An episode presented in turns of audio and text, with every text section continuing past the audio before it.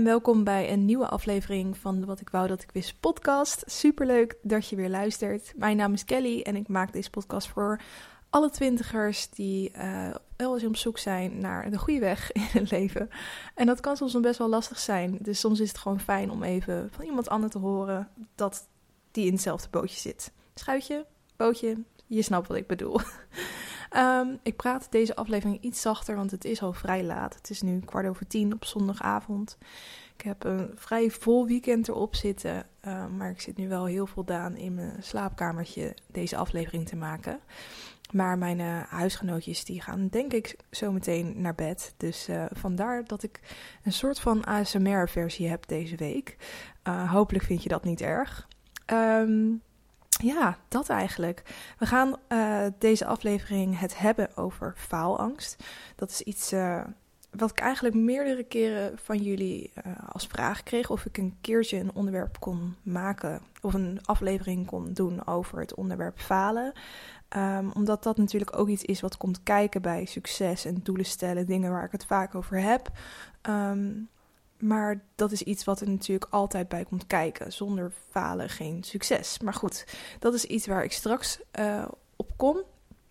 Ook in deze aflevering uh, ga ik een recensie geven van het boek dat ik afgelopen vier weken heb gelezen voor de Boekenclub. Een aantal van jullie hebben ook meegedaan en een recensie ingestuurd, dus die ga ik ook met je doornemen. Um, maar ik begin natuurlijk met het lekker loeren blokje, uh, waarin ik elke week uh, ja, op een luchtige manier de week even met je doorneem en kijk wat er allemaal in Celebrityland is gebeurd. Nou, wat natuurlijk is gebeurd afgelopen week is het Met Gala. Ik denk dat je het wel hebt meegekregen. Een van de grootste events in Amerika als het aankomt op uh, mode. Um, elk jaar heeft het weer een ander thema. En uh, ja, mensen komen in de meest fantastische outfits aan. Dit jaar was het thema camp.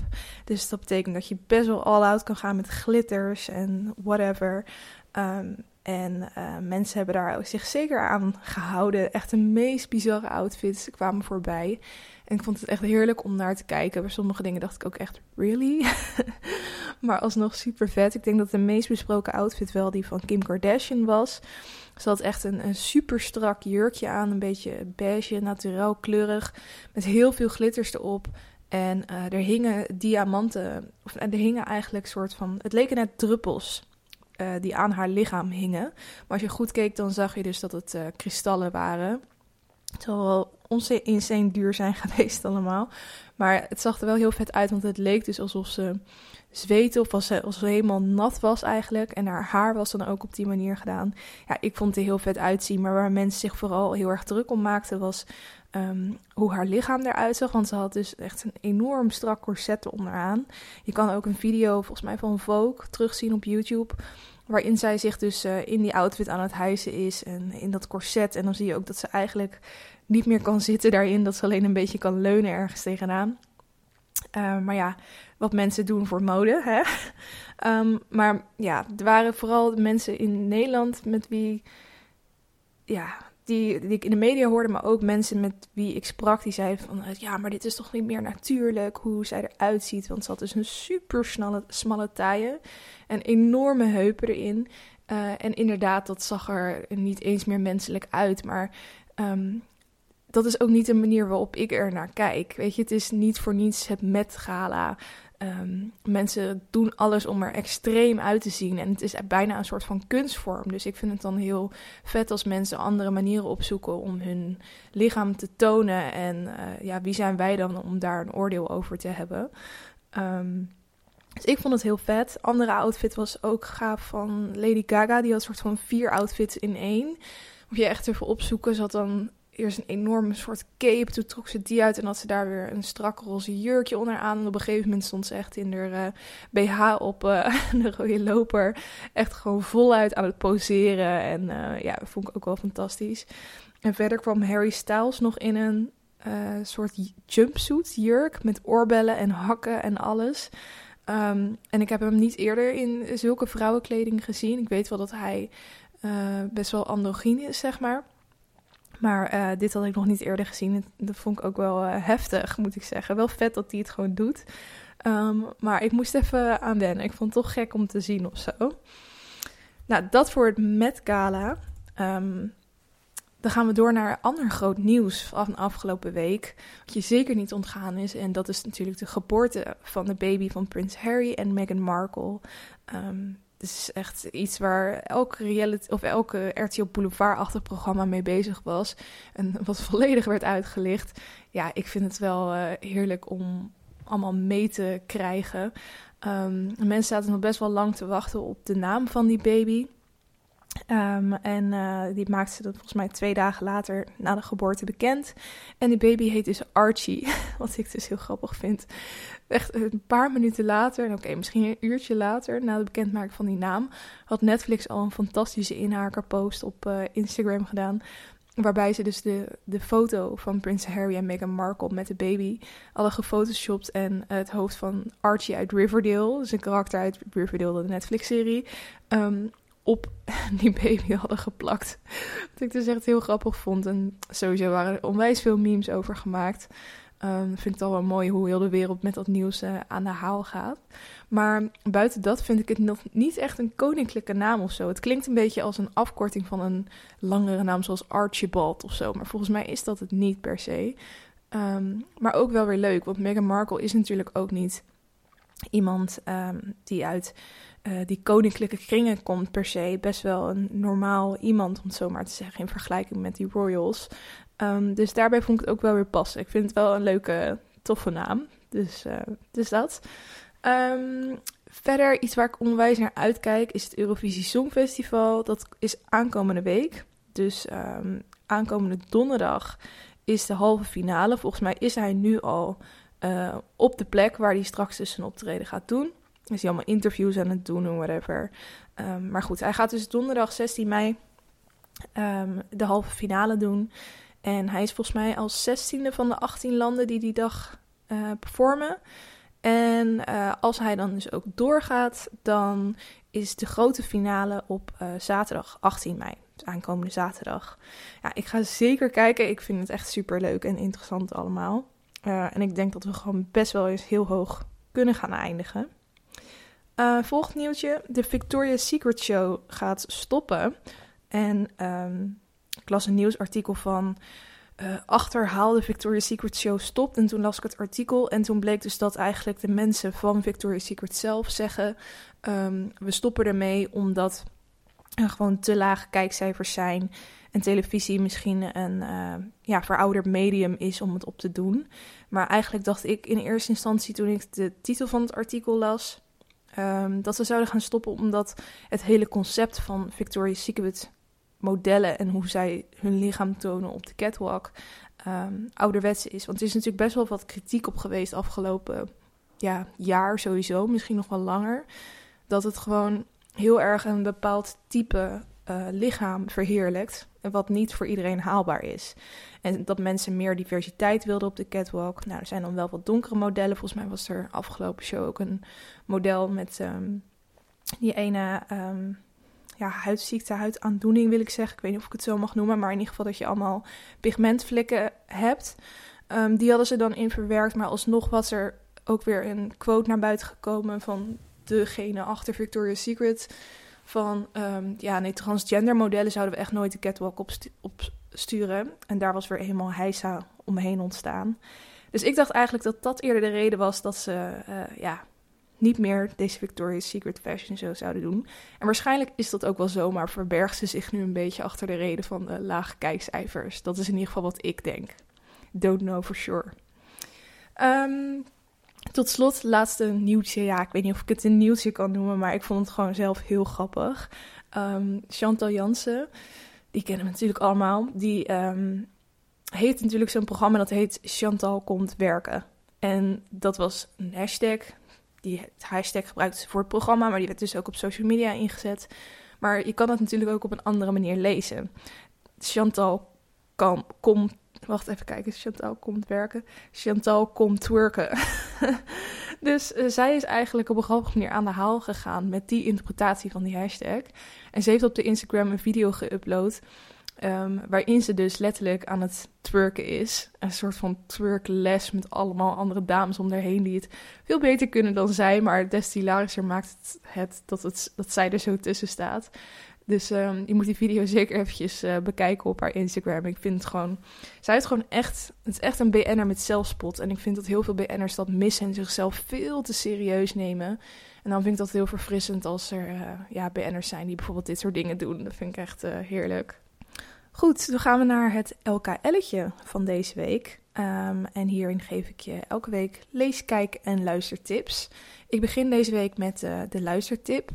Um, ik was zelf op zoek naar een, een nieuwe podcast om te luisteren.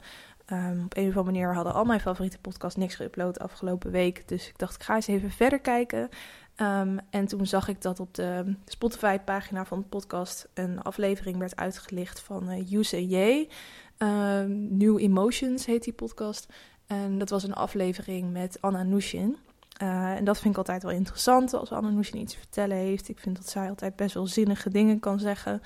Um, dus ik, was die, ik zat echt anderhalf uur in de auto. De A4 was afgesloten afgelopen weekend. En oh, het was één groot drama. Maar goed, daarom had ik dus uitgebreid de tijd om die podcast te luisteren. Want hij duurt dus vrij lang. Hij is, volgens mij was deze aflevering anderhalf uur. Um, nou ja, zoals jullie weten doen, doe ik er vaak maar drie kwartier over, over één aflevering. Nou ben ik dan ook wel in mijn eentje vaak en zijn zij dus met z'n drieën. Um, maar desondanks, ik dacht, misschien is dat gewoon te lang, weet je wel. Misschien moet je, kan ik het niet aan om zo lang naar een gesprek te luisteren. Maar ik vond het eigenlijk gewoon van begin tot eind uh, boeiend. En dat is natuurlijk ook afhankelijk per gast. Ik dacht bijvoorbeeld ook dat de aflevering met Ronnie Flex heel leuk zou zijn. Ging die ook luisteren. Maar dat hield ik nog geen 20 minuten vol. Dus het is wel afhankelijk per gast. Maar deze aflevering vond ik echt best wel uh, interessant. Dus zeker een tip als je uh, ja, nog een aflevering zoekt of überhaupt een podcastshow uh, zoekt om te luisteren. Dus zeker wel een leuke. Um, dan een kijktip. Um, afgelopen week was het, nou, hij staat denk ik al langer. Ik denk dat hij nu twee weken op Netflix staat. Het is een film over uh, Ted Bundy, een crimineel. En um, echt zo'n een nagespeelde film eigenlijk met onder andere Zac Efron en Lily Collins. Natuurlijk een hele bekende acteur en een hele bekende actrice. Uh, en hij heet dus Extremely Wicked, Shockingly Evil and Vile. Dat is de titel van de film over Ted Bundy op Netflix. Um, en ik heb hem uh, gisteren gekeken. En ja, ik vond hem best wel vet eigenlijk. Ik kende het verhaal niet zo heel goed van Ted Bundy. Natuurlijk ken ik zijn naam en ik wist ongeveer wat hij allemaal had gedaan. Um, maar meer eigenlijk niet. En dan vind ik het altijd wel interessant om op zo'n manier meer te weten te komen over uh, ja, dat hele verhaal rondom hem. Uh, ik vond het ook heel goed gespeeld. Ik weet dat er best wel wat kritieken waren op deze film. Um, maar zelf merkte ik daar eigenlijk niet zo heel veel van. En ja, ik vond het altijd wel vet als zulke goede acteurs, of in ieder geval acteurs of actrices die ik interessant vind, uh, weer een hele nieuwe rol aannemen. Uh, zo, bijvoorbeeld, ik ken Zac ervan het meest van High School Musical. Nou, dat is natuurlijk op geen manier vergelijkbaar met deze rol die hij nu speelt. Dus dat vind ik wel heel vet om te zien. Dus als je die nog niet hebt gezien, is die zeker moeite waard om te kijken. Misschien alleen niet in je eentje op zaterdagavond, want ik zat dus helemaal alleen in huis. En normaal vind ik dat helemaal niet erg.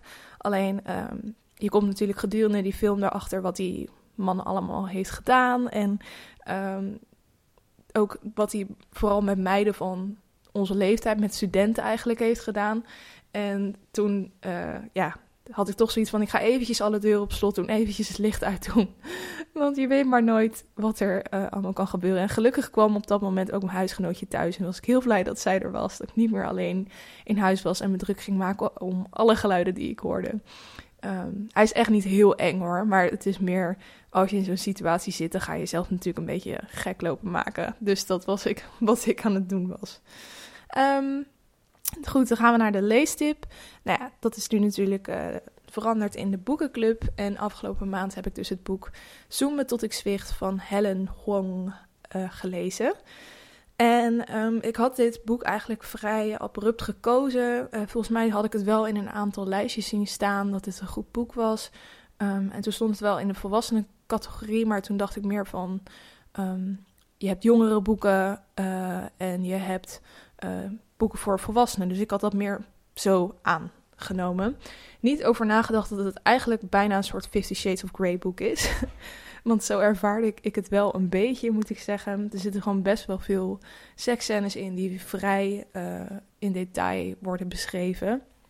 Heb ik op zich geen problemen mee, maar zoals ik vorige week al zei, uh, leven dat, som, dat soms toch wat ongemakkelijke situaties op in de trein. Als daar dan iemand kon meelezen met mijn boek en ik dan ging indenken dat ze dat ook daadwerkelijk aan het doen waren. Uh, maar goed, het boek gaat dus over een. Um, uh, ik zal het nog één keertje voorlezen. Daten is al moeilijk genoeg, laat staan als je Asperger hebt. Stella, 30, is briljant in wiskunde, maar sociaal onhandig. Haar moeder vindt het hoog tijd dat ze gaat trouwen. Stella heeft geen flauw idee met wie. Ze haat seks, zo. Praktijkervaring opdoen dan maar, met een professional.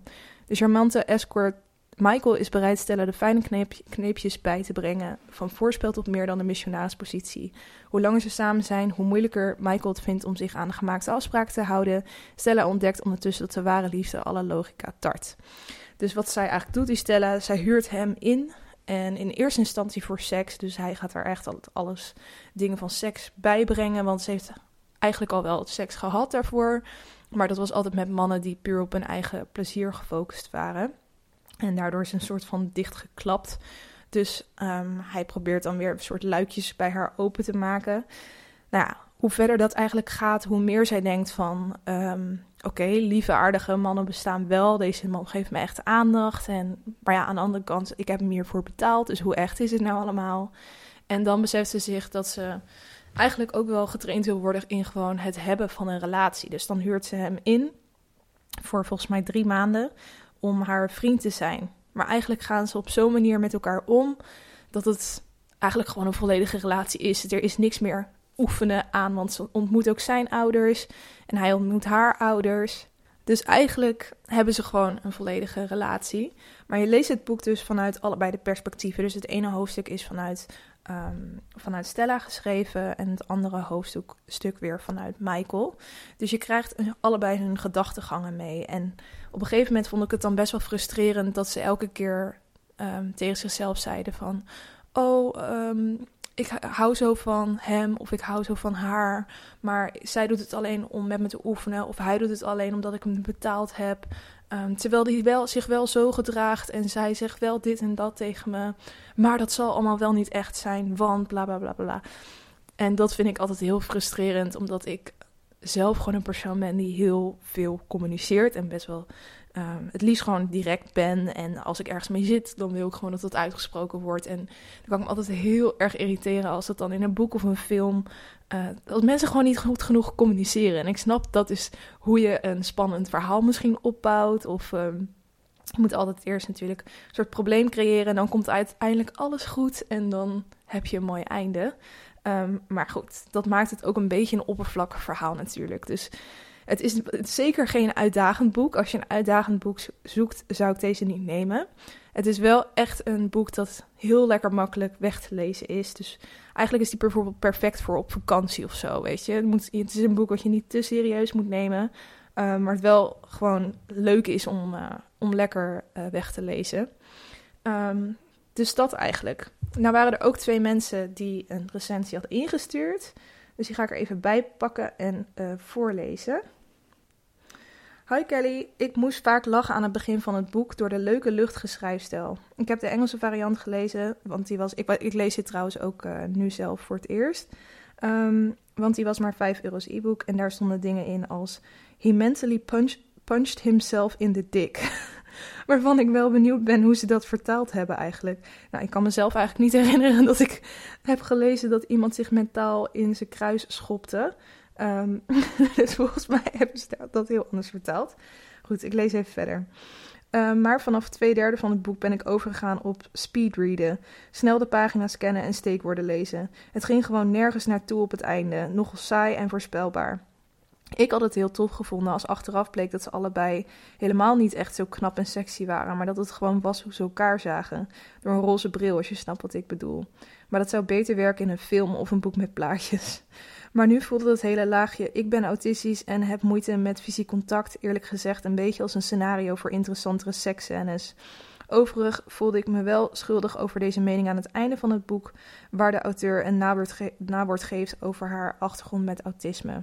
En er staan dan een aantal vragen om over het diepere thema te praten. Het feit dat ik nu alleen maar moet grinniken om het diepere thema kan natuurlijk een indicatie zijn dat het aan mij ligt dat ik te afgeleid van het onderwerp raakte door al die seks. ja, ik ben het wel eens met haar dat er had een heel mooi verhaal in kunnen zitten over autisme. Maar eigenlijk ging dit boek te veel over uh, seks en relatie en uh, dat, dat, dat gedeelte. Uh, en te weinig over autisme. Terwijl die schrijfster dus wel een hele achtergrond heeft. Ze is volgens mij een dochtertje um, die autisme heeft. En daar kwam ze later, op latere leeftijd van hun dochtertje achter. Um, dus zij, ja, er zit, er zit zeker iets in. Maar het, het kwam er gewoon niet echt helemaal uit in dit boek. Ik pak ook nog even de andere recensie erbij.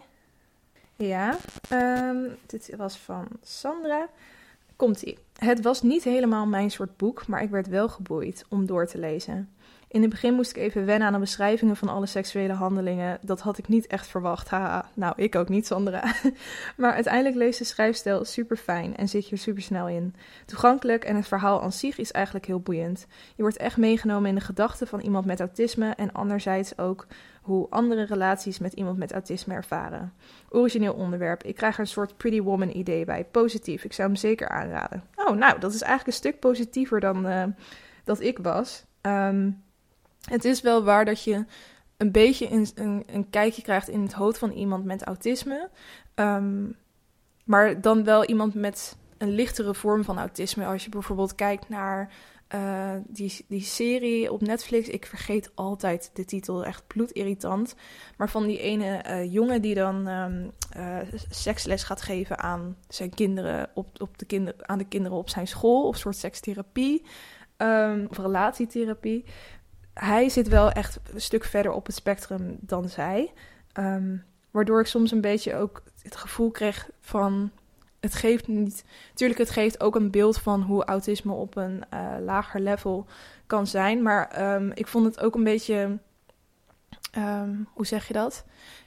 Het werd niet stabiel of zo. Door heel, door heel dat boek heen waren er soms momenten waarvan ik dacht, maar zo zou jij toch niet, uh, als hoe het karakter wordt omschreven, vind ik het niet logisch dat deze persoon op die manier dan reageert op deze situatie. Weet je, het, was, het voelde gewoon een beetje rommelig aan, het karakter en hoe die karakters werden uitgewerkt. Um, maar goed, zoals ik al zei, het is gewoon wel een lekker toegankelijk, uh, makkelijk weg te lezen boek. Dus als je hem nog wilt lezen, uh, hierbij dus de recensie van mij en uh, ja, twee podcastluisteraars. Heel leuk dat jullie trouwens je recensie hebben gestuurd. Dus heel erg bedankt daarvoor. Um, dan ga ik natuurlijk nu het nieuwe boek aankondigen. En um, ik had zelf niet zo heel veel inspiratie, maar er was iemand die mij een uh, tip stuurde via Instagram. En toen dacht ik, ja, dit is wel eventjes compleet wat anders. En dat is misschien juist wel heel leuk. En uh, dat boek is uh, een Nederlands boek van een, een, Nederlandse schrijfster. Daan Borrel heet ze. Uh, en het heet Soms is liefde dit. Een brief over lichaam, seks en verlangen. Um, ik zal even voorlezen wat de samenvatting is. Na een onbezonnen kus met een andere man schrijft Daan Borrel vanuit een kamer in Berlijn een brief aan haar vriend. De brief draait uit op een zelfbevragend relaas over seksualiteit, intimiteit en autonomie. Mag jij elk verlangen onderzoeken en uitleven? En hoe combineer je dat met een behoefte aan verbintenis?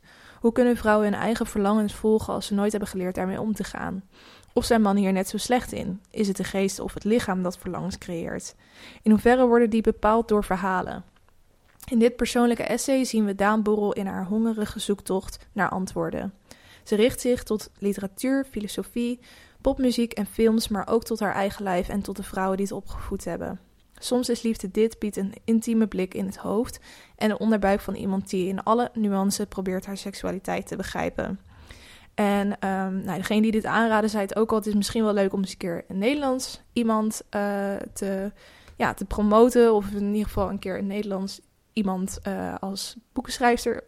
Ik leg het echt totaal verkeerd uit. Een, Nederland, een boek van een Nederlandse auteur te kiezen. Um, en uh, er zitten natuurlijk ook hele interessante thema's in. En het is weer even compleet iets anders dan de fictieboeken die ik tot nu toe heb gelezen. Want dit is dus wel heel verhalend als ik het zo begrijp, maar alsnog um, ook uh, ja, iets waar je denk ik ook best wat levenslessen uit kan halen. En dit is ook wel iets waar ik zelf mee bezig ben, omdat ik heb natuurlijk al best wel lang een relatie, al vier jaar inmiddels. En um, als je dan bijvoorbeeld uitgaat en met andere uh, mannen aan het kletsen bent, hoe ver uh, kan je dan gaan? Hoe ver mag je dan gaan? Als ik bijvoorbeeld ook naar mijn vriendinnengroepen kijk of bepaalde mensen die ik dan ken, en ik, dan zie ik wel eens dat zij weer heel andere um, ja, ideeën daarover hebben. Um, ja, en het hele onderwerp seksualiteit, ja goed, we zijn er nou toch al mee bezig hè, met het afgelopen boek. Dat zetten we gewoon lekker door. Nee, maar uh, alle gekheid op een stokje. Ik denk dat dit gewoon een heel interessant en leerzaam boek kan zijn. Um, en dat het ook hele interessante stof kan opleveren voor een, uh, een volgende podcastaflevering. Dus vandaar dat ik deze heb gekozen. Zoals altijd kan je natuurlijk meedoen. Uh, en dit boek ook even reserveren bij de piep. Dat heb ik al gedaan. Um, of je kijkt even of je hem van iemand kan lenen. Of dat je hem ergens kan bestellen. Uh, en dan kunnen we hem gewoon uh, samen lezen. En dan heb jij misschien straks ook nog wel wat interessante informatie of opvattingen over dit boek die je met mij kan delen. En dan deel ik die natuurlijk weer in de, ja, de aflevering waarin ik het boek recenseer. Dus dat zou ik heel leuk vinden uh, als je dat doet. laat me dat zeker even weten op Instagram als je mee wil doen. Goed, dan is het nu tijd om uh, naar het hoofdonderwerp te gaan. En het hoofdonderwerp van deze week is dus falen. Faalangst hebben, hoe je daarmee om kan gaan. En ik zei het al aan het begin, maar ik heb het natuurlijk best wel vaak over succes, over doelen stellen. Elke aflevering geef ik een challenge. Uh, of stel ook, geef ik mezelf een challenge en daag ik jullie uit om jezelf een challenge te geven. Um, en ik heb natuurlijk ook vaak over... Um, hoe je bijvoorbeeld een droombaan kan vinden, of hoe je, nou ja, eigenlijk van alles. Maar um, met al die successen komt natuurlijk ook uh, de angst om te falen. En bij elk succes hoort eigenlijk ook weer falen. Het een kan niet zonder het ander. Um, en vandaar leek het me wel heel relevant om dit eens te bespreken. Ook op aanraden van jullie. Um, ben ik heel blij mee dat jullie dit soort dingen ook melden. Van joh, hier moet je echt eens een keer een uh, podcast over maken. Dus dat doe ik dan ook heel graag. Maar ja, ik ben wel een beetje toen hier natuurlijk over gaan brainstormen, over dit onderwerp. En gaan denken, waar komt het nou zo vandaan dat wij de druk voelen om niet te falen. Want ik merk bij mezelf dat ik dat ook heel erg heb. Dat ik heel perfectionistisch en prestatiegericht ben. En uh, eigenlijk is dat helemaal niet zo gek dat dat zo diep in me zit. Want als je kijkt naar onze maatschappij, dan is dat eigenlijk volledig gebouwd op prestaties. Er wordt ook wel eens de prestatiemaatschappij genoemd. Want mensen die presteren, uh, die worden beloond. Um, en eigenlijk zie je dat overal om je heen, dat de mensen, dat prestaties altijd uitgelicht worden in de media of in, um, op social media, overal om je heen. Um, en eigenlijk wordt van kinds af aan op school al uh, alleen succes beloond. Mensen met, en daarmee bedoel ik dan goede cijfers. Als je slim bent en je krijgt een goed cijfer, dan is dat jouw compliment. we werden eigenlijk van kinds af, al, kinds af aan worden we al getraind om perfectionisten te zijn. Um, en je ziet het ook dus op social media om je heen. Ik heb het al eens eerder genoemd, maar bijvoorbeeld toen ik mijn rijbewijs ging halen, toen zag ik alleen maar mensen op Facebook die uh, hun rijbewijs al lang hadden gehaald, terwijl ik dat nog niet had gehaald. Terwijl zij misschien ondertussen al drie keer uh, gezakt waren en nu eindelijk het binnen hadden. Uh, maar dat zie je gewoon niet. Je ziet alleen de prestaties. En ik vind het ook niet heel erg gek dat we zo op die prestaties gericht zijn. Want op het moment dat jij iets presteert, krijg je complimentjes. Waardoor je zelf ook gaat denken: oké, dus als ik niet presteer, dan ben ik heel slecht bezig. En dan krijg ik geen complimentjes. En dan ben ik dus niet goed bezig. En um, dat is ook wel een beetje waarom ik het hele goal-getter romantisering op Instagram gedoe een beetje haat. Er zijn natuurlijk heel veel van dat soort accounts. En aan de ene kant vind ik het heel goed dat ze er zijn, omdat ze um, ja, vrouwen wat meer stimuleren om hun dromen achterna te gaan. Maar aan de andere kant um, ja, beloont het heel erg mensen die uh, op prestatie gericht zijn en die hun goals behalen. dat hele woord goals, eh, relationship goals, couple goals, weet je, dat is natuurlijk ook bloedirritant. En de reden dat ik dat irritant vind, uh, ja, dat ligt wel te grondslag bij dat hele uh, faalonderwerp eigenlijk. Ehm, en je ziet wel dat steeds vaker vrouwelijke ondernemers op Instagram open zijn over hun falen. Maar eigenlijk lang niet genoeg. Vaak gaat 90% gewoon over wat voor toffe dingen ze doen, wat voor toffe dingen ze behaald hebben. Um, en dan zit ik dan langs te scrollen en dan kan je toch wel soms denken van... oh, het, wordt, het hun allemaal zo makkelijk aan... en wat fantastisch dat ze dat allemaal kunnen... en dat zal ik nooit kunnen. Ehm, en zij doen het allemaal zo goed, weet je. Dat is toch iets wat je onbewust een beetje uh, meekrijgt. Ja, zelf, ik zei het net al, heb ik ook best wel soms last van faalangst. En dan voornamelijk als ik iets uh, echt in de praktijk moet doen... of voor ogen van anderen moet presteren. Dus bijvoorbeeld Toetsen maken vind ik niet erg. Examens uh, had ik allemaal geen problemen mee. Het waren allemaal dingen waar ik mezelf heel goed op kon voorbereiden. Waarbij andere mensen niet meekeken. Het was gewoon alleen ik en die toets. En dat ging gewoon goed. Maar op het moment dat ik um, een presentatie op middelbare school moest doen, of ik moest zo'n debat. Volgens mij moet je voor Nederlands een keer een debat doen dat je een bepaald onderwerp had. En dan had je een opponent. Nou, dat soort dingen vond ik echt verschrikkelijk. Ik had het net al even, even over maar mijn uh, praktijk, rijexamen halen. Dus dan dat je gewoon iemand naast je hebt zitten die constant aan het beoordelen is wat jij doet. Vond ik echt verschrikkelijk. Um, sollicitaties doen word je natuurlijk ook terwijl je uh, in het oog van degene tegenover je dingen aan het doen bent, over jezelf aan het vertellen bent, uh, word je beoordeeld. Nou, vond ik ook doodeng, vond ik verschrikkelijk. Uh, hospiteren is er nog zo eentje.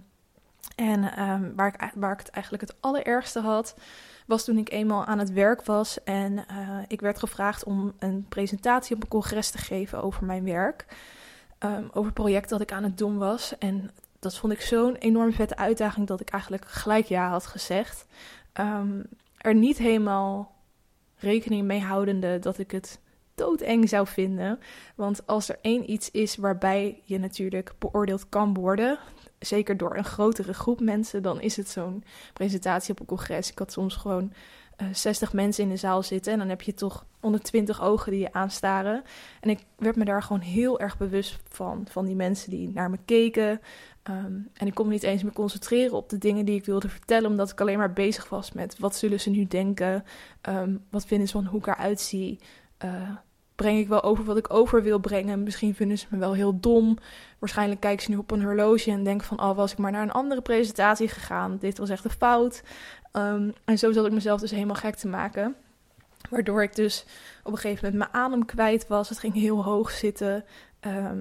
En ik, of ik heel snel ging praten, omdat ik gewoon heel, het liefst zo snel mogelijk doorheen wilde zijn. Nou, allemaal van dat soort dingen die komen kijken als je ja, het is wel echt een typisch voorbeeld van faalangst. Eigenlijk gewoon jezelf alleen maar negatieve gedachten in praten, waardoor je een um, soort van spiralt in een negatieve, ja, negatieve afgang. Zo noem ik het maar even. Ik denk dat het nooit echt een afgang is geweest hoor. Um, maar ik denk wel dat mensen gewoon door hadden dat ik er geen ervaring mee had, dat ik heel nerveus was. En uh, ja, daar kon ik mezelf dan nog weken druk om maken. Dat het idee dat mensen dat over mij hadden gedacht. Um, dat ik dus had gefaald. Uh, en dat vond ik echt verschrikkelijk. Dus op een gegeven moment toen um, heb ik dat ook aangegeven dat ik het gewoon best wel moeilijk en spannend vond. Uh, en toen ik ook voor grotere groepen wilde gaan presenteren, toen heeft, uh, had het bedrijf waar ik werkte gezegd van zou je misschien een presentatiecursus willen doen. Toen zei ik, nou ja, dat wil ik heel graag. En uh, dat vond ik ook heel tof dat ze dat gewoon gratis aanboden aan mij. Dus dat ben ik toen gaan doen. En toen had ik één um, cursusdag met allemaal andere mensen. Ik denk dat we met z'n tienen waren en dat waren echt mensen uit hele andere hoeken eigenlijk. Gewoon allerlei verschillende werkvelden. Um, maar mensen die dus af en toe een presentatie moesten geven en dat gewoon heel spannend vonden. En dan moesten we allemaal opdrachten doen en elke keer op een podium iets gaan vertellen. En soms dan was het iets van één minuut en dan was het een verhaal van tien minuten. En soms was het improvisatie, soms was het voorbereid. Maar dat was best wel leuk en interessant. En ook leuk om te zien dat mensen die veel ouder dan ik waren, die er in mijn ogen misschien uitzagen als professionals, dat die er ook gewoon heel veel moeite mee hadden. Um, dus dat was voor mij wel een hele fijne bevestiging. En heeft me ook zeker geholpen. Maar wat ik eigenlijk nog het meest interessant vond, was een persoonlijke coaching sessie die ik toen kreeg. Dus ik had eigenlijk één groepsessie en één persoonlijke sessie. Ehm, en uiteindelijk werd dat gewoon bijna een soort meer therapie. Ik had echt verwacht dat ik hele praktische handvaten zou krijgen. Kreeg ik ook wel, maar in eerste instantie ging ze heel erg met me praten om te kijken waar nou ehm, die angst voor presenteren vandaan kwam. Uh, en dat werd best wel persoonlijk, want ze ging ook ehm, ja, gewoon heel erg kijken naar. Ik moest me opeens heel kwetsbaar gaan opstellen. Ehm, en mezelf eigenlijk gaan indelen op basis van mijn eigen levensopvattingen. Of in ieder geval opvattingen over hoe andere mensen van mij denken. Hoe erg ik daarmee bezig ben. En die, die had ik in eerste instantie niet helemaal zien aankomen. Maar ik vond het wel. Uh, ik heb er heel veel aan gehad. Dus um, eigenlijk wat ze mij uitlegde was dat er een verschil is tussen effectieve en ineffectieve gedachten. En dit is dan de RET-theorie. Misschien bespreek je het uit als RED-theorie, dat weet ik niet. En wat RED dus eigenlijk is, het zijn dus ineffectieve gedachten en, gedachten. En gedachten zijn ineffectief als ze uh, één, niet leiden tot effectief gedrag, emoties waarmee je zelf uit de voeten kunt. Uh, twee, niet kunnen worden onderbouwd met feitelijke gegevens. Of drie, niet logisch of consistent zijn. Oftewel, de redenering klopt niet. Ik lees het even op uit een artikel uh, over deze gedachten. Um, en eigenlijk gaat het er allemaal om. Het komt allemaal neer op wat je ergens van vindt. En dat je er een waardeoordeel aan hangt. En op basis daarvan zijn er weer vijf kerngedachten die er eigenlijk bij komen kijken. En ik moest mezelf dus gaan indelen uh, ze noemden dus deze vijf kerngedachten op. Uh, dit zijn dus steeds terugkerende gedachten die je eigenlijk zo eigen hebt gemaakt dat ze een soort van levensopvatting zijn geworden. En die dus effect kunnen hebben op de manier waarop je um, ja, zo opziet tegen zo'n presentatie bijvoorbeeld. Dus dit zijn de vijf kerngedachten.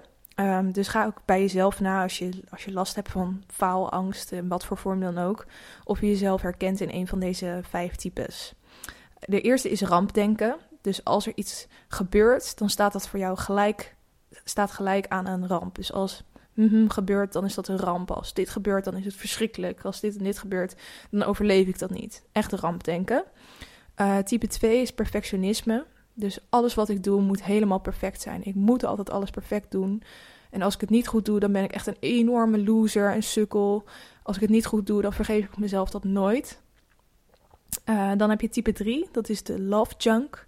En dat is eigenlijk dat je verslaafd bent aan de liefde van anderen. Dus je wilt dat iedereen je aardig vindt. En als iemand je niet aardig vindt, dan kan je daar niet meer mee omgaan. Als mensen je niet aardig vinden, dan denk je eigenlijk, dan blijft er niets meer van mij over. Um, dat is type 3. Dan type nummer 4, dat is normativisme. Uh, en dat houdt in, iedereen moet zich aan mijn norm houden en een wereld moet volgens mijn norm in elkaar zitten. Bijvoorbeeld, iedereen moet met twee woorden spreken, dieven zouden niet mogen bestaan, alle docenten moeten alle studenten gelijk behandelen. Uh, dus echt handelen vanuit een norm en verwachten dat andere mensen ook uh, ja, voldoen aan die norm. Dan heb je tot slot nog uh, lage frustratietolerantie. En dat houdt letterlijk in uh, niet kunnen omgaan met je eigen frustraties. Dus dat lukt mij nooit, dat is veel te moeilijk, dat is onverdraaglijk, de hele wereld is tegen mij. Als dit en dit gebeurt, dan kan ik het niet verdragen. Um, iedereen gaat expres in de file staan om mij dwars te zitten. Um, deze tentamenstof is veel te veel, ik krijg het nooit onder de knie. Dat is eigenlijk op die manier, dus dat je echt niet om, om kan gaan met je eigen frustraties.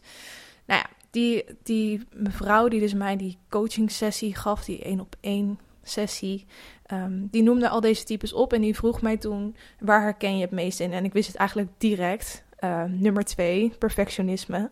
Alles wat ik doe moet helemaal perfect zijn. Want dat is ook hoe ik in die presentaties inging.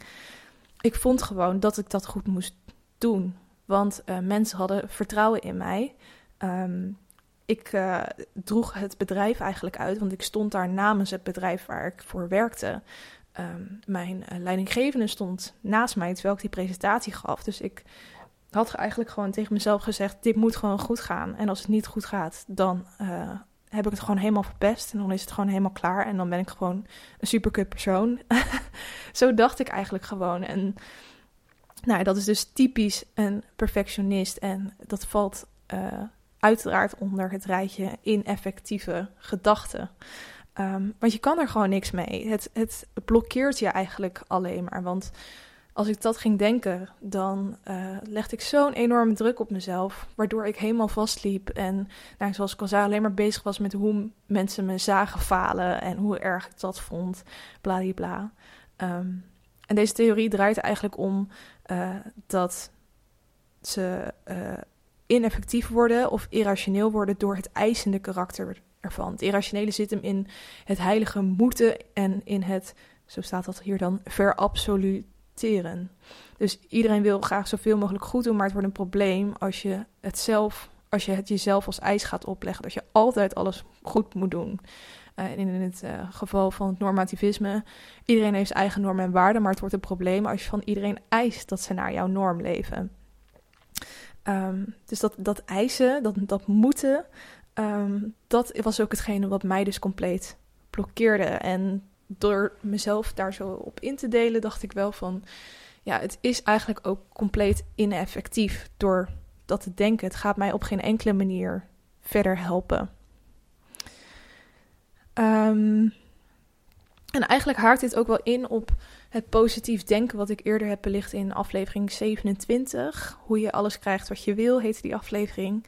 En toen heb ik heel erg um, ja, benadrukt dat ik dat als je iets op een positieve manier visualiseert, dat je het dan ook um, ja, op meer naar je toe kan trekken dan wanneer je alles negatief gaat visualiseren. Ik kwam toevallig vandaag ook een quote tegen ergens op Instagram van iemand die zei: Worrying is just negatively uh, visual visualizing. Dus als je je zorgen maakt, dan ben je eigenlijk alleen maar het negatieve aan het visualiseren. Waardoor je dat soort dingen ook meer naar je toe trekt. Dus dat is ook een reden waarom ik gewoon zo positief mogelijk altijd probeer te denken. Omdat ik echt geloof dat je daardoor ook het positieve naar je toe trekt. En ik vind dat heel moeilijk hoor, want nog steeds met presentaties heb ik echt heel veel moeite om me niet te focussen op het negatieve. Om te denken, iedereen vindt het fantastisch hoe ik het hier sta te doen. En niet te denken, uh, iedereen denkt, waarom staat dat meisje op het podium? dus dat, dat blijft gewoon moeilijk. Um, dus het is echt niet zo makkelijk als dat ik het nu uh, doe voorkomen. Zeker niet. Um, even kijken, wat wou ik nog zeggen? Oh ja, er is ook een verschil tussen positieve en uh, negatieve faalangst. Um, en dat is ook even een voorbeeld wat ik wilde geven. Dus bijvoorbeeld, even kijken hoor, waar stond het hier? Ja, hier zo. Positieve en negatieve faalangst is eigenlijk het verschil in denken, in mindset. Um, dus ik had een artikel gevonden over faalangst, waarin dat heel goed met voorbeelden werd uitgelegd. Dus bijvoorbeeld, uh, als iemand zegt die een hardloopwedstrijd gaat doen, zal het vandaag lekker gaan? Ik hoop het echt. Het zou zo gaaf zijn als ik mijn record kan verbeteren. Oeh, ik zweet nu al en mijn hart gaat ook wel aardig tekeer. Laten we maar van start gaan. Ik ben er helemaal klaar voor. Dat is een voorbeeld van uh, positieve faalangst. Dan heb je ook nog een voorbeeld van negatieve faalangst. En dat is, als ik het nou maar niet verpruts, heb ik wel genoeg getraind. Die vent daar zal vast wel denken, waarom doet die amateur mee? Ik zal hem eens bewijzen dat ik net zo goed ben als de rest. Ik ga er helemaal voor. Dus beide vormen zijn wel faalangst. Um, maar er zijn bepaalde uh, psychologen, mensen die geloven dat die positieve faalangst, die, negatieve, nou, die negatieve faalangst, die haalt je natuurlijk sowieso onderuit. Dat is eigenlijk wat ik dus ook doe met van die grote presentaties, dat ik mezelf compleet blokkeer. Um, maar positieve faalangst kan je natuurlijk wel verder helpen op een bepaalde manier, omdat het je een soort van uh, extra stoot adrenaline geeft. Je vindt iets spannend met een reden, maar je hebt er alleen maar zin in. Dus je draait eigenlijk die angst die je hebt om in een uh, ja, soort hele fijne spanning. En ik zei het al, dat heeft dus heel erg te maken met je mindset. Je hebt een groeimindset of je hebt een statische mindset. Bij een groeimindset denk je dat vaardigheden aangeleerd zijn.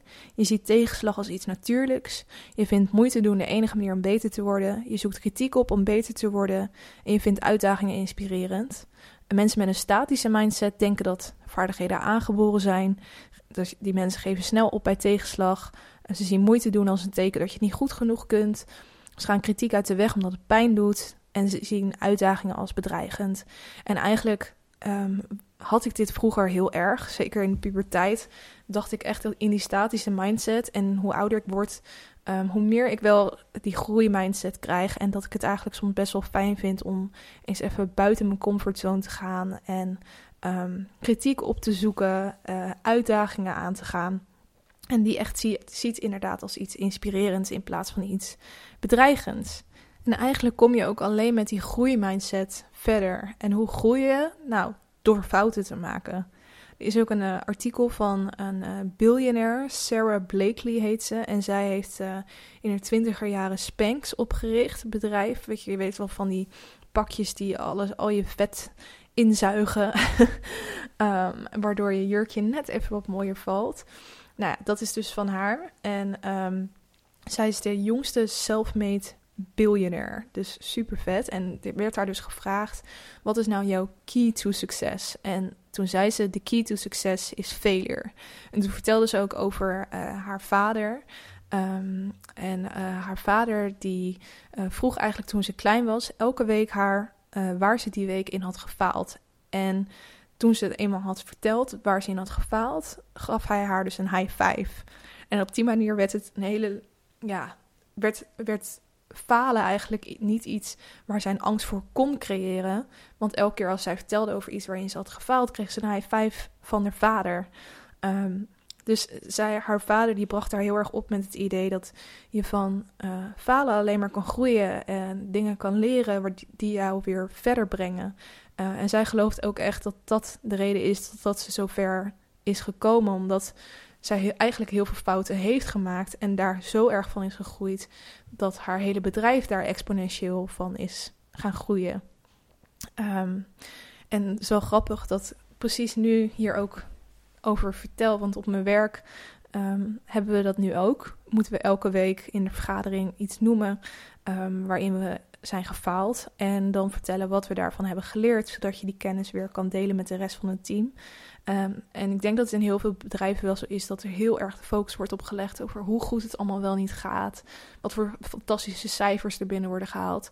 Um, en wordt er heel weinig gefocust op wat er niet goed gaat. En ik vind dat vaak zo zonde, want juist van dat soort dingen kan je enorm leren. Maar het is natuurlijk wel moeilijker um, als je het gaat hebben over je eigen kunnen en bij je eigen kunnen gaat uitlichten. Uh, waar je in gefaald hebt. Dat is gewoon net even wat moeilijker om over te praten. Um, en juist daarom vind ik het eigenlijk wel heel goed dat we dat nu doen. Um, ik heb ook een, uh, een coaching sessie gehad afgelopen, nou, een paar weken geleden alweer van iemand die mij uh, via Instagram benaderde. Anne Hospers heet ze. En zij vertelde eigenlijk dat zij ja, eigenlijk jonge vrouwelijke ondernemers wil steunen. en dat ze mij ook heel graag verder wilde helpen in deze ja, dit podcastavontuur eigenlijk. En toen heb ik een uh, telefonisch gesprek met haar gehad, waarin ze me heel veel, uh, ja, heel veel dingen heeft geholpen. En daarna heeft ze nog een hele worksheet toegestuurd met allemaal vragen die ik moest beantwoorden. En een van die vragen was dus ook: um, vraag aan drie mensen wat jouw beste eigenschappen zijn en wat eigenschappen van jou zijn die eventueel in de weg kunnen zitten. En um, ik vond het eerst best wel spannend om dan aan mensen dat te gaan vragen. Natuurlijk vooral om mensen om kritiek te gaan vragen. En aan de andere kant, hoe langer ik met die vraag voor me zat, dacht ik, ja, ik ben eigenlijk ook best wel benieuwd. Want natuurlijk is het vet om complimentjes te krijgen. Um, maar, en dat, daar zijn we ook heel erg op, op gericht. Mensen zullen je altijd positieve dingen vertellen. En niet zo snel in je gezicht tenminste iets negatiefs. Um, maar daardoor krijg je ook niet echt de kans om meer te groeien als mens. Want je bent je niet bewust van als je iets negatiefs doet, dat dat dan ook negatief is. Dus snap je wat ik bedoel? Je kan er niet echt door groeien. En uh, er waren wel wat mensen waarvan ik dacht, ja, ik ben eigenlijk wel benieuwd. Uh, als jij wat dingen op moest noemen die wat mindere eigenschappen van mij zijn, wat het dan zou zijn. Dus ik heb het toen aan mijn vriend gevraagd, aan mijn beste vriendin gevraagd en aan mijn leidinggevende. En um, ik vond het natuurlijk eerst heel spannend om, als ik dan die, die feedback had gekregen, om dat dan te gaan lezen of dat aan te horen. Um, maar aan de andere kant, nu ik het allemaal zo op een rijtje heb, denk ik, ja, ik kan hierdoor wel verder. Ik ben me nu bewust van de manier waarop ik op bepaalde dingen reageer en hoe dat overkomt op mensen en waar ik dus in kan gaan groeien. Um, en dit was natuurlijk ook een onderdeel van wat ik net voorlas, die groeimindset. Uh, niet bang zijn om om kritiek te vragen van anderen en uh, daarna niet door die kritiek in je schulp te kruipen of heel heftig op te gaan reageren, maar om dat gewoon aan te pakken um, en uh, je daar verder door ja, te laten groeien. Dus um, dat vond ik ook wel heel uh, leuk aan die coaching sessie dat ik daar nu achter ben gekomen. Ik, had het vroeger nooit gedurfd en nu vond ik het gewoon echt oprecht heel interessant. En dat hele, dat hele falen, dat is ook iets waar natuurlijk heel veel mensen in de wereld mee bezig zijn. Heel veel mensen vinden dat doodeng. Um, en gaan het gewoon heel erg uit de weg, gaan kritiek uit de weg, gaan uitdagingen uit de weg. En dat is iets wat ik helemaal snap, want het is ook ontzettend eng. Maar aan de andere kant, de, de grootste mensen op deze aardbol, die zijn zo ver gekomen omdat ze niet bang waren om te falen en het eigenlijk een soort van omarmden. Um, ik heb hier ook wat quotes van echt bekende mensen. Um, Robert F. Kennedy, die zei: Only those who dare to fail greatly can ever achieve greatly. En Oprah die zei: Failure is another stepping stone to greatness. Of Thomas Edison, die zei: I have not failed. I've just found 10.000 ways that won't work. en de 10.001ste, is dat een woord? dat was dus de manier die wel werkte. Um, wat maar laat zien, al die, je moet gewoon wat hurdles overkomen um, om dat doel te bereiken. En het zal nooit makkelijk zijn. Uh, ja, er is een moment dat je zou kunnen falen. Um, maar probeer dat juist te omarmen en met open ogen in te gaan. Um, dus ik denk dat dat eigenlijk de, conclusie is. Ik vind falen ook zo'n negatief woord. Uh, er hangt een hele negatieve connotatie aan. Natuurlijk ook door hoe wij zelf met het woord omgaan. We zouden eigenlijk gewoon een nieuw woord moeten ontwikkelen. Ik zou het eerder willen zien als iets gaan ontdekken op avontuur buiten je comfortzone.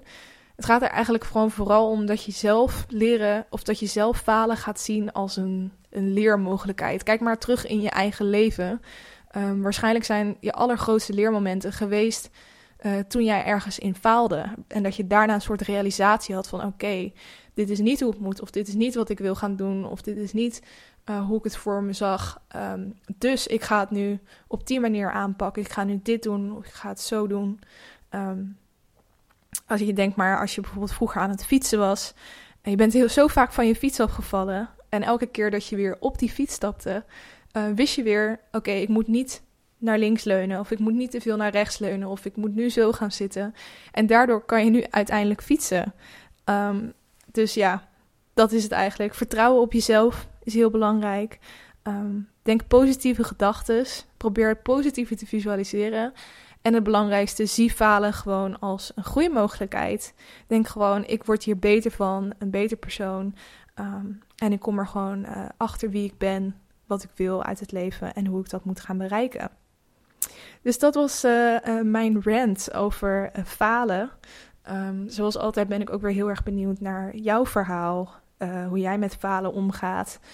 hoe lastig jij het vindt. Want er zijn natuurlijk heel veel mooie verhalen van mensen die falen omarmen, maar dat betekent echt niet dat het allemaal zo makkelijk is. Um, dus vertel me vooral jouw ervaringen en dat kan je natuurlijk doen uh, via mijn Instagram, wat ik wou dat ik wist podcast. Kan je reageren onder een van de posts of als je dat liever wil, mij een uh, privéberichtje sturen. Ik ben heel erg benieuwd naar hoe jij uh, kijkt naar dit onderwerp. Goed, dan sluit ik natuurlijk altijd af met de challenges. Afgelopen week had ik mezelf als challenge gegeven om eens te onderzoeken of er interesse was in een uh, Facebookgroep voor vrouwelijke podcasters. Omdat me heel leuk lijkt om uh, ja, die groep mensen in Nederland eens met elkaar te gaan verbinden, om kennis uit te wisselen. Um, en die interesse is er volgens mij zeker wel. Het is nu gewoon nog een beetje te vroeg misschien om ermee te beginnen, omdat ik heel erg bezig ben met de groei van mijn eigen podcast. Um, maar ik, het staat zeker op mijn to-do-list om uh, die te gaan opstarten. Uh, dus uh, ik kreeg bijvoorbeeld ook van iemand een berichtje die zei: Ik wil er nog een gaan opstarten. Ik heb er nu nog geen een, maar het lijkt me heel tof om daarbij te zitten, om zo kennis op te doen. Um, nou, dat soort verhalen, stuur me dat vooral door. En dan maak ik gewoon een lijstje van mensen die er sowieso in gaan komen. Um, dat zou ik heel leuk vinden als, dat, als ik dat uiteindelijk kan opstarten. Dan de challenge van uh, deze week, of aankomende week. En dat haakt een beetje in op het uh, thema van deze aflevering. En dat is dat ik eens bij wil gaan houden waar ik aankomende week in uh, ga falen. En uiteindelijk natuurlijk ook wat ik daar dan van heb geleerd. Dus hopelijk ben ik volgende week dan terug met een aflevering waarin ik jou ook kan vertellen wat ik die week heb geleerd en waar ik dus in heb gefaald. Um, alsnog denk ik, oh, ik, wil, ik wil het woord gewoon veranderen. Dat het faalwoord vind ik zo naar klinken. Ehm, als jij nog een beter woord weet, laat het dan me, dan ook zeker weten. Dan ga ik voortaan gewoon dat woord gebruiken. Goed, dat was het voor deze week. Ehm, laat me ook dus zeker even weten als je meedoet met de boekenchallenge van deze week of de boekenclub. Als je het boek ook gaat lezen. En uh, dan hou ik daar weer ook weer even een lijstje van bij. En natuurlijk hoop ik dat ik je uh, volgende week uh, weer zie. En ik wens je een hele fijne week toe. Doei doei!